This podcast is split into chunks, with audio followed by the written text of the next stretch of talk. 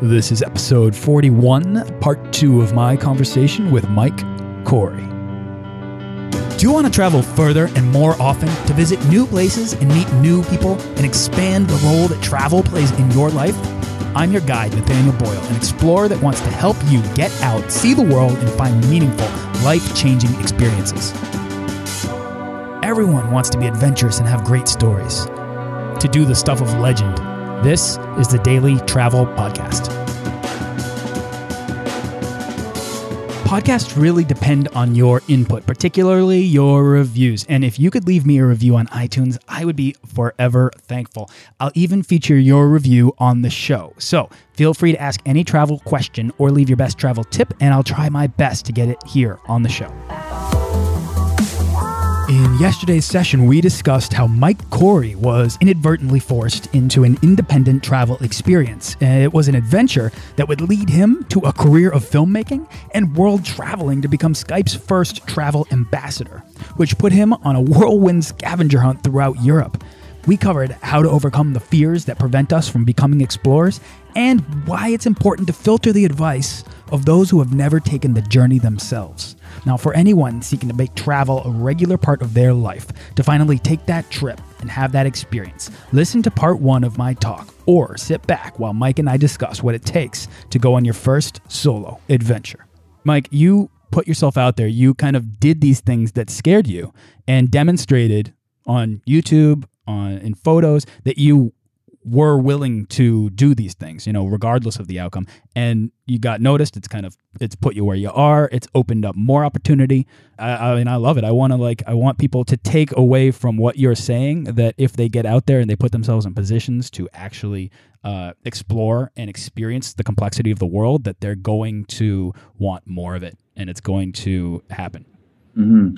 And uh, one thing that I, I, I am so happy when I meet, or I even talk about this with anybody, but especially meet somebody in person in a, a, small town, maybe here, maybe somewhere else, who who was really fascinated with, with travel, but they feel like um, it's not welcome, like uh, ditching the nine to five and and just you know kind of bailing on every everything you, you've set up is, is not that acceptable. But the, the crazy thing is, once you hit the road and you go to some place, you'll see you arrive in in Berlin, you arrive someplace like uh, Costa Rica, and you get involved with the travel scene, is that the travel scene is filled with people exactly like you. And you can go anywhere on this planet, and through platforms like Couchsurfing, for example, you can find friends immediately.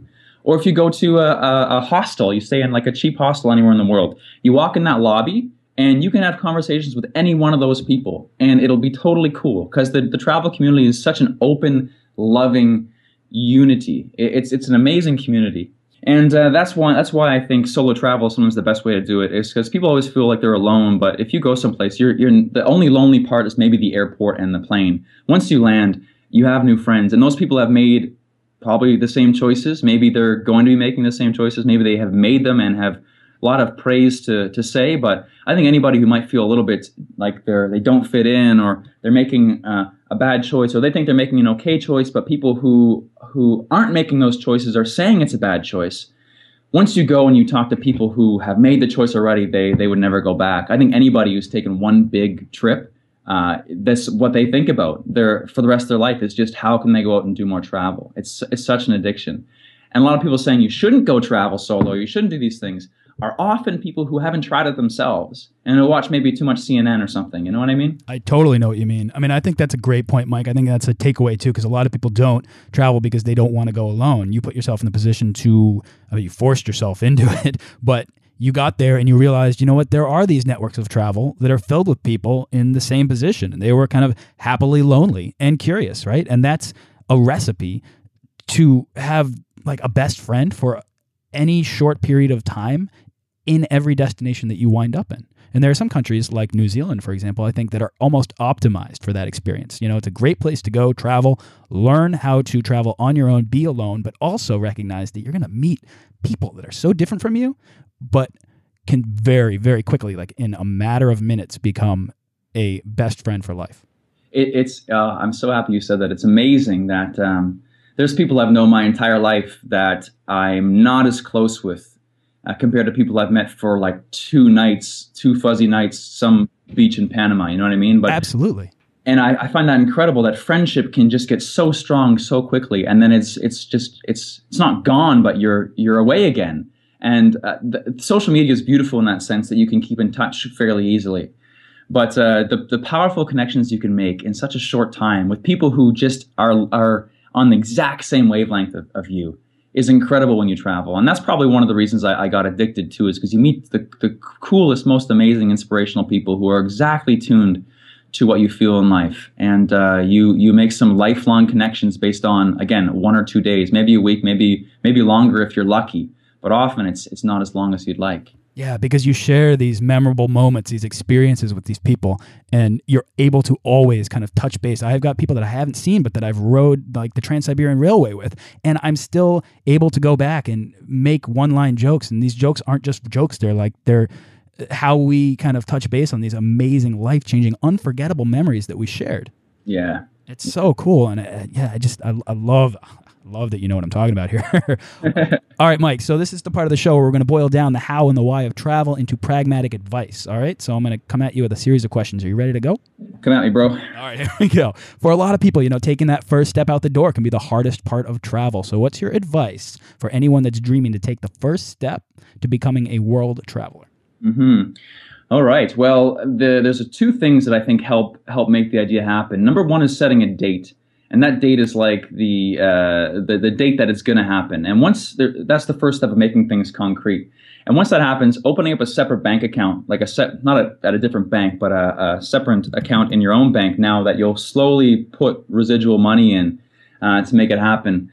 Uh, for me, that's that's that's what made it happen. That's what made me pull the trigger. Was that setting a date and also um, making sure that I had uh, an account open. And because whenever I saw that number low or number not where I wanted to be, I always like throw an extra couple bucks in. And then once you have those two things lined up, then a lot of your decisions in life start to boil down whether or not it's gonna it's gonna help make that happen. Because things get pretty real when there's a date and it's slowly counting down on the clock. And things get pretty real if you go out and spend 40 bucks on, you know, expensive shots at a bar uh, when you don't really need to. You know what I mean? So I think putting those two things in place are, are at the very best first step um, to making it happen. And quite then you'll get addicted to the fact that you have to make it happen and you don't want to overshot you don't want to cancel it. I like that. Get yourself really excited, get yourself amped up for that moment where you can finally but, take that step. But set those two concrete points, the the, the bank account to, to start saving and the date and, and those two things will carry you. All right. So the biggest hurdle for most people who want to travel more is cost. Do you have a secret money saving tip or like a travel hack? Yeah, there's there's plenty. Um, oof, I mentioned couch surfing already. Uh, there's there's more to it than just staying at some place somebody's place for free. Uh, I mean, couch surfing is probably the best thing I've ever discovered for two reasons. Number one, because you can stay at people's places for free, like I just said. But number two is even if you you don't want to do that or uh, you can't do that for some reason, there's amazing message boards on that site, and I didn't even know that really happened until I, I stayed in Panama City for a while, and I, I had a I actually stayed with an Airbnb uh, place. It was a beautiful like villa in a nice part of town for really cheap but I had a friend who told me to go on couch surfing and check out the message board there, and I was like, okay. But there was like, you know, 6 a.m. bird walks being led by people. There was a Thursday night uh, drinks at a bar that that um, people always went to, like in the couch surfing group, locals and foreigners. There were every night. There's a every Friday night there was a house party happening at a local person's place. So this being connected with that that community, because off, often, not often, all the time there's the tourist level and then there's the local level. And the tourist level is always like three times more than you have to spend. The local level, which is just like, you know, par- even partying at people's houses, doing free stuff with friends. That's what locals do, right? Um, that level it takes a bit of time to to get into. You can't always just jump into that level. Sometimes it takes some figuring out, or if you need a, a tool, you can talk to them directly. And for me, that was couch surfing being able to find like local hangouts and hang with people and not have to spend a ton on drinks or go to their house or do activities for free because they just want to be a host for a for a traveler. So uh, that site uh, again, if you're if totally cool if you're not comfortable staying with somebody. I've only had the most golden, pure, amazing experiences with that site, and I think um, everybody does. I haven't heard one one bad story. But even if you uh, would maybe want to get into the travel scene first, just check out the message boards there and see what's happening in the city you're going to uh, fantastic way to meet people and save some money. Absolutely. All right. I think couchsurfing is a great example of the kind of thing that might scare someone who has never used it before, but once you kind of get past that fear, you realize that the, there's a there's a vetted community of people that want to help. That it's it's access into culture, and it's a great. It's probably the best way to save money. Uh, and, and, it's all peer reviewed, and it's like, uh, man, the people I stay with uh, everywhere have always been like the most cool, down to earth people who are again, they're travelers like you. They're just back saving money or something. They've got an apartment. They live downtown. They know all the cool spots. They'll they'll be your tour guide, like all for free. I mean, I usually buy them a bottle of wine or help clean their apartment or something, but it's very much like um, like uh, you give, and then at some point you'll give back. You know what I mean? You they they put in some some time and some love into making you comfortable, and they at some point in the future, I'm sure someone will do the same for them. It's a very much uh, a loving, giving community. The travel community. Right is. on. All right, Mike. Packing is easily my least favorite part of travel. Do you have any advice to help people pack better? Ah. uh, yeah. Um, I think the amount of fun you have traveling is directly proportional to how much stuff you're carrying. At, at least for Love me. That.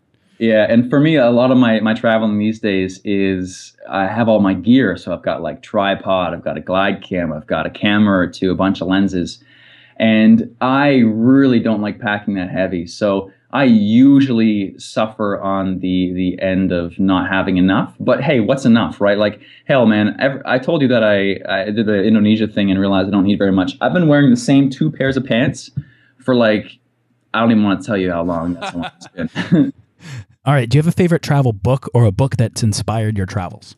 Ooh, I finished reading Vagabonding by Rolf Potts just uh, about a, uh, like six months ago, and I thought it was a fantastic book. It, I, I, think it's more geared towards getting somebody out the door into a, a backpacking lifestyle. However, me being a fairly seasoned traveler and solo traveler, I still got a lot out of it um, being three years deep in this thing. And I would highly, highly, highly recommend everybody checking out that book. It's so well written, and it's besides being this a book on like travel philosophy and, and a, a how-to guide to make it happen. It's filled with resources to to do your own research, resources to find things to make happen. Like for example, if you want to go work somewhere, there's, uh, there's a bunch of resources like for WWOOFing, which is World Organization of Organic Farming. That might be made up, but it's a farming organization. You can go and you can volunteer and you can farm. So and any and all kinds of ideas to to help make the the travel idea happen.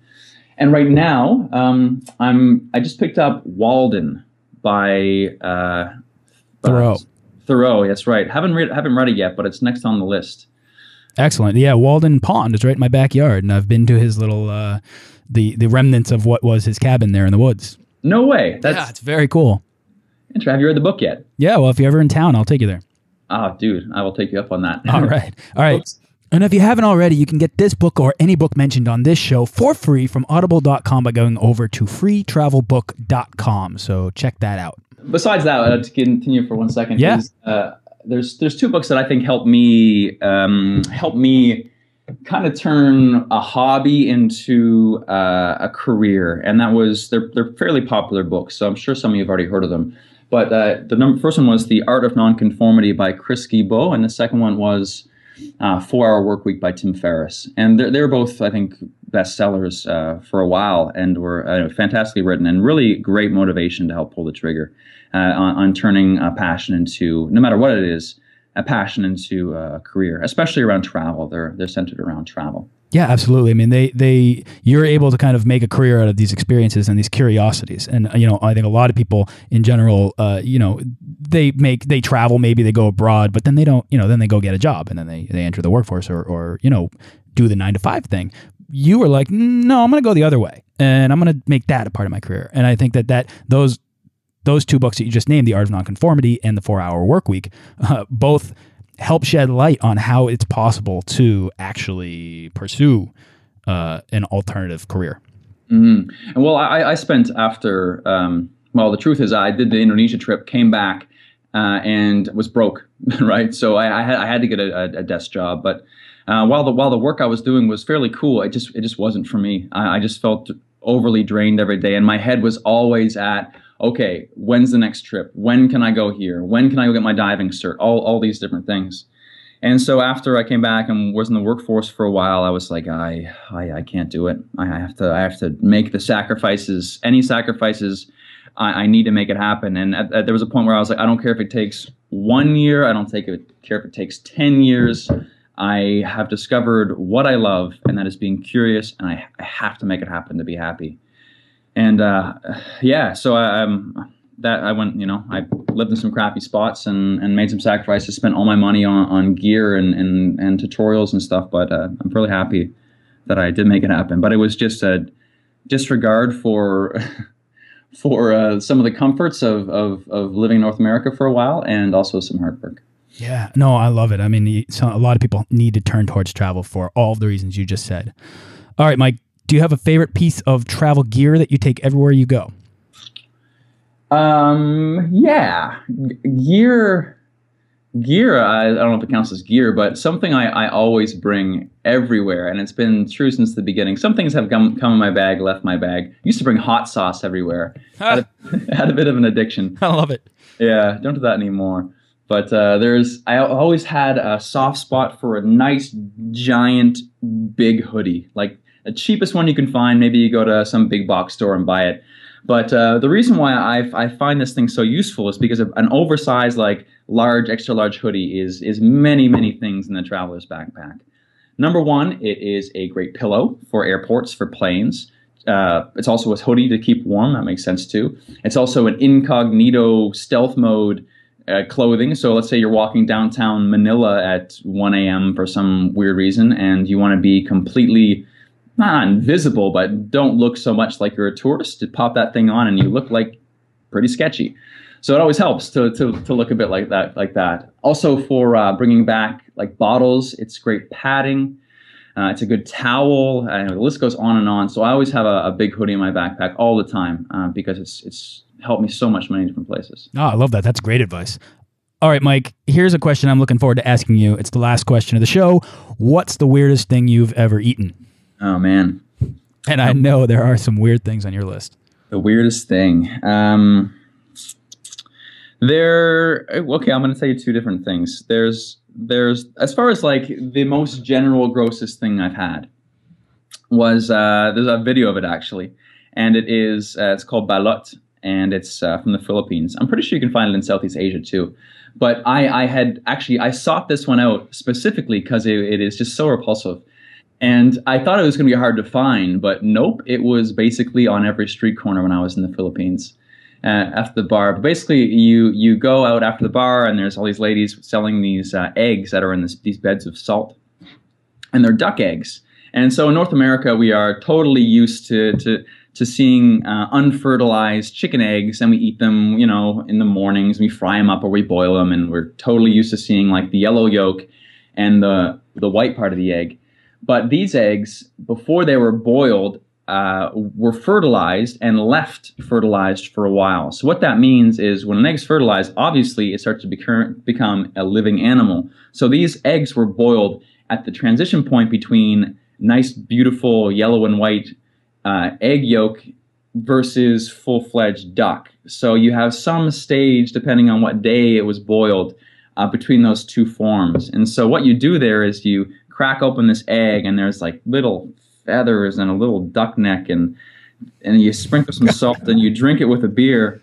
And it was it was probably one of the closest times I've come to gagging when I ate something. Not because it didn't taste good just because the fact that I was eating it was was really gross. Because it was a little bit crunchy but a little bit kind of like egg. You could feel like the bones and the feathers. And there was a little beak in there too. And yeah. Wow, Mike. Yeah, we've had some people talk about that before on the show, okay. and but but but your description is so much more like visceral, and I'm I'm sitting here like I love weird food. I love to challenge myself with food, and I'm like I've seen that video too, so I know what you're talking about, and it's just like oh god, man, why? Yeah. So, uh, but one thing I, I I loved about that experience was that I was with uh, three or four Filipino couch surfers and they there was like I think like four, four of them there. three of them thought it was like totally like normal and they they were eating them too and it was the best thing ever. And one was like yeah that's not for me. But as far as the normal filipino or filipina goes like that's just like what you eat. Like how but really how is that why is that weird? How is that any different than eating like a chicken? Like I, for me in my head i was like how how wild is it that I can come here and a whole different set of things in North America we think are totally abnormal and gross and disgusting, and how could anybody ever muster up the courage or the or the humanity to do something like that? But over there, it's just like normal everyday life. Right. Food is such a great vehicle to kind of explore those complexities that are out there, you know, those cultural differences and those kind of simple things, but it's such a big deal to eat a fertilized duck egg. Absolutely. And who's to say who's to say what food is is allowed to be eaten and what food's not? That's something that blew my mind when I was a kid. I think at, at some point in grade school, I went up to the teacher and said, like, Mrs. Whatever, why don't we eat snakes? Or why don't we eat like possums? And she was like, because you don't.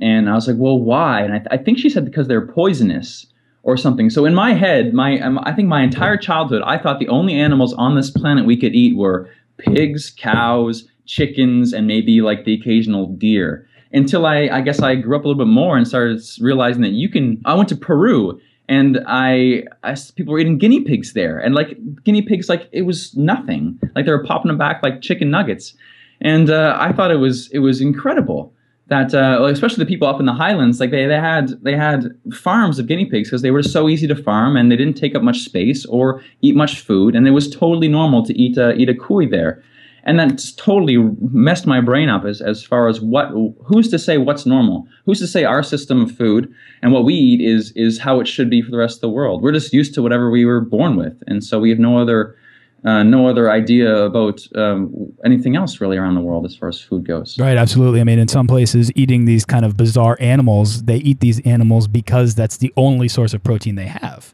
Right. Um, and then and, and in our country, obviously, uh, Mike, we could talk about this all day, but our country, we have this, you know, strange kind of uh, factory farmed food system. And I think a lot of people in other countries look at the United States and see our food system and think, you know what, that's the weird one. The packaged meats are a lot weirder than the animal roasting over the fire. Oh, 100%. Uh, 100%. So here's the the second story quickly is yep. that um, I was in I was in Chengdu, China, and this one I did not expect at all. It totally blindsided me. And I had just gotten out of the the airplane. I was looking for a cab, and I was pretty hungry. They didn't feed us on the plane, and so I I was walking over to a food stall. It was a guy with a barbecue, and um, this is outside the airport. And so I'm walking, and this little girl, maybe like nine or ten, like cuts me off like last minute in this line. And I'm like, all right, go ahead, take it. That's fine. And so she goes and she says something in Mandarin. And then he hands her down two, there were rabbit skeleton heads, two roasted skulls. What? just hands them to her and i was i was just speechless i went there and i thought i guess i had seen them i thought they were meatballs or chunks of like small little chickens like quail or something but this little girl was ordering rabbit heads that were roasted and covered in spices. And there wasn't much meat on there. I mean, you could see the, the skull and bone and stuff. So I'm like, okay, well, I don't really know what to do with that. So I'm going to go somewhere else. And so I, um, I went back and got some food back in the airport. And later I went out with a, a local guy there and I was talking about like rabbit heads, like, how do you eat it?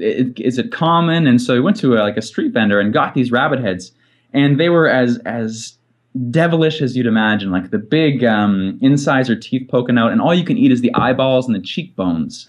Oh man! And that's it. And he's like, oh, and, he, and he's like acting like it's, it's so normal because it is normal there. And he's like, oh, you know, back in maybe uh, Canada where you're from, you sit around a table and you eat peanuts with some friends and drink a beer, and you you know you, you peel the peanuts and you you throw away the shells and eat the nuts. Uh, here it's like the same thing. You just pick up the rabbit head, you poke out the eye, you just throw away the you know the, the the, the head, and you just eat the eyeball, and it's totally normal for a beer. You know, talking family and friends. I'm like, yeah, that's that's not really what I'm used to, but that sounds pretty cool. Wow. So we did that, and uh, that that that was actually delicious, but it was it was pretty. Just having seeing a 12 year old run up, butt me in line to buy rabbit skulls. I mean, would that ever happen in North America? No, no, no, not not in the you know not in the the, the strangest neighborhoods in, in North America would that happen. Nope, not not at all. Crazy, Mike. All right, is there anything else you'd like to share before we wrap up?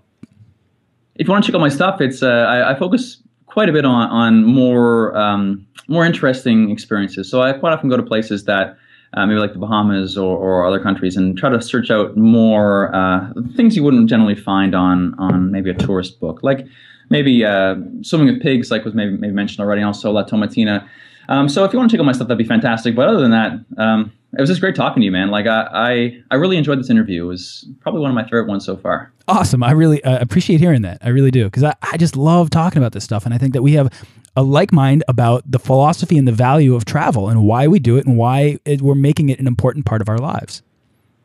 Yeah, I definitely agree, and it's always so good to have this conversation either over Skype or even late night at a beer with a beer. You know what I mean? Like it's always uh, so enlightening to to talk to people who who have the same values as you, especially with this. Because the, the crazy thing is, we're so well, we kind of feel few and far between sometimes, even though we're all quite connected. But not very often can you just go downtown and have a conversation like this unless you know the right people. You know? Yeah. No. Absolutely. All right, Mike. So what's next for you? Where's your next trip, or what's your next project? Yeah, so I'm about one quarter of the way through a pretty big project with the German Tourism Board. Uh, this year, 2014, is the 25th anniversary of the fall of the Berlin Wall.